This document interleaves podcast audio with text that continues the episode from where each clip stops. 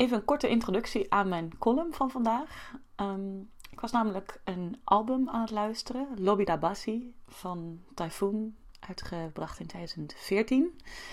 Ehm, en niet omdat ik nou wist omdat het over zingeving ging, maar gewoon omdat het een heel vet album is en ik hem de laatste tijd best wel vaak luister. Uh, maar dat kwam dus toevallig super goed uit voor de column, want dit album gaat dus heel expliciet ook over zingeving. Hij uh, behandelt echt vragen zoals uh, wat is een goed leven en uh, wie ben ik in dat leven.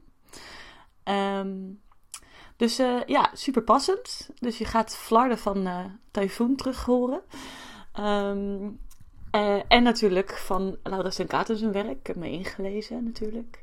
En ik wilde ook even zeggen, mijn column is een Sinterklaasgedicht. Want ik heb een fascinatie met dat medium. Het is een soort cheesy format waarin heel veel vrijheid is. Um, en uh, ja, ik heb een lekker speels uh, met de onderwerpen aan de haal gegaan.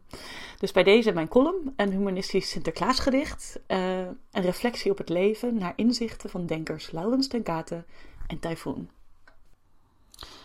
Het is koud, de vingers zijn stijf. Het is weer tijd voor het jaarlijks tijdverdrijf. Een periode om elkaar van alles te schenken, maar dan moet je eerst nog iets leuks om te geven bedenken. Want dit jaar wilde de Sint iets speciaals geven, iets wat voor de rest van ons leven zou blijven kleven. Niet weer het kopen, kopen, kopen van al die oppervlakkige troep, of genoeg nemen met je misselijk maken van al die chocola en snoep. Nee, liever iets dat bijdraagt aan je bestaan. Maar even in alle eerlijkheid, dat is zo makkelijk nog niet gedaan in het tijdperk van de epistem van de onzekerheid.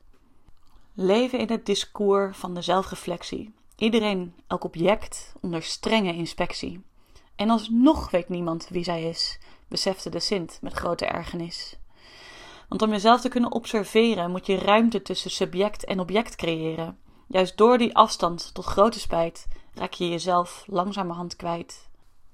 De Sint wil het bijna opgeven. Het heeft toch geen zin om zingeving te geven. Het is onzin, waanzin, maar desalniettemin, maar toch. Misschien is juist dat te schenken. De Sint beseft het opeens. Het is historisch denken. Het cadeau van een verleden collectief. Het cadeau van een nieuw perspectief. Misschien ook wel de remedie tegen alsmaar meer. Plus zijn we door die nieuwe crisis weer allemaal skeer.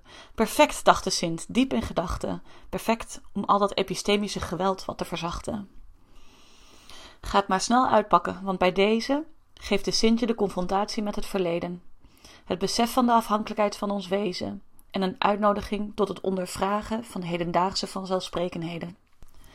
Hiermee omarm je de onzekerheid van ons bestaan, en dat is vaak moeilijk om te ondergaan.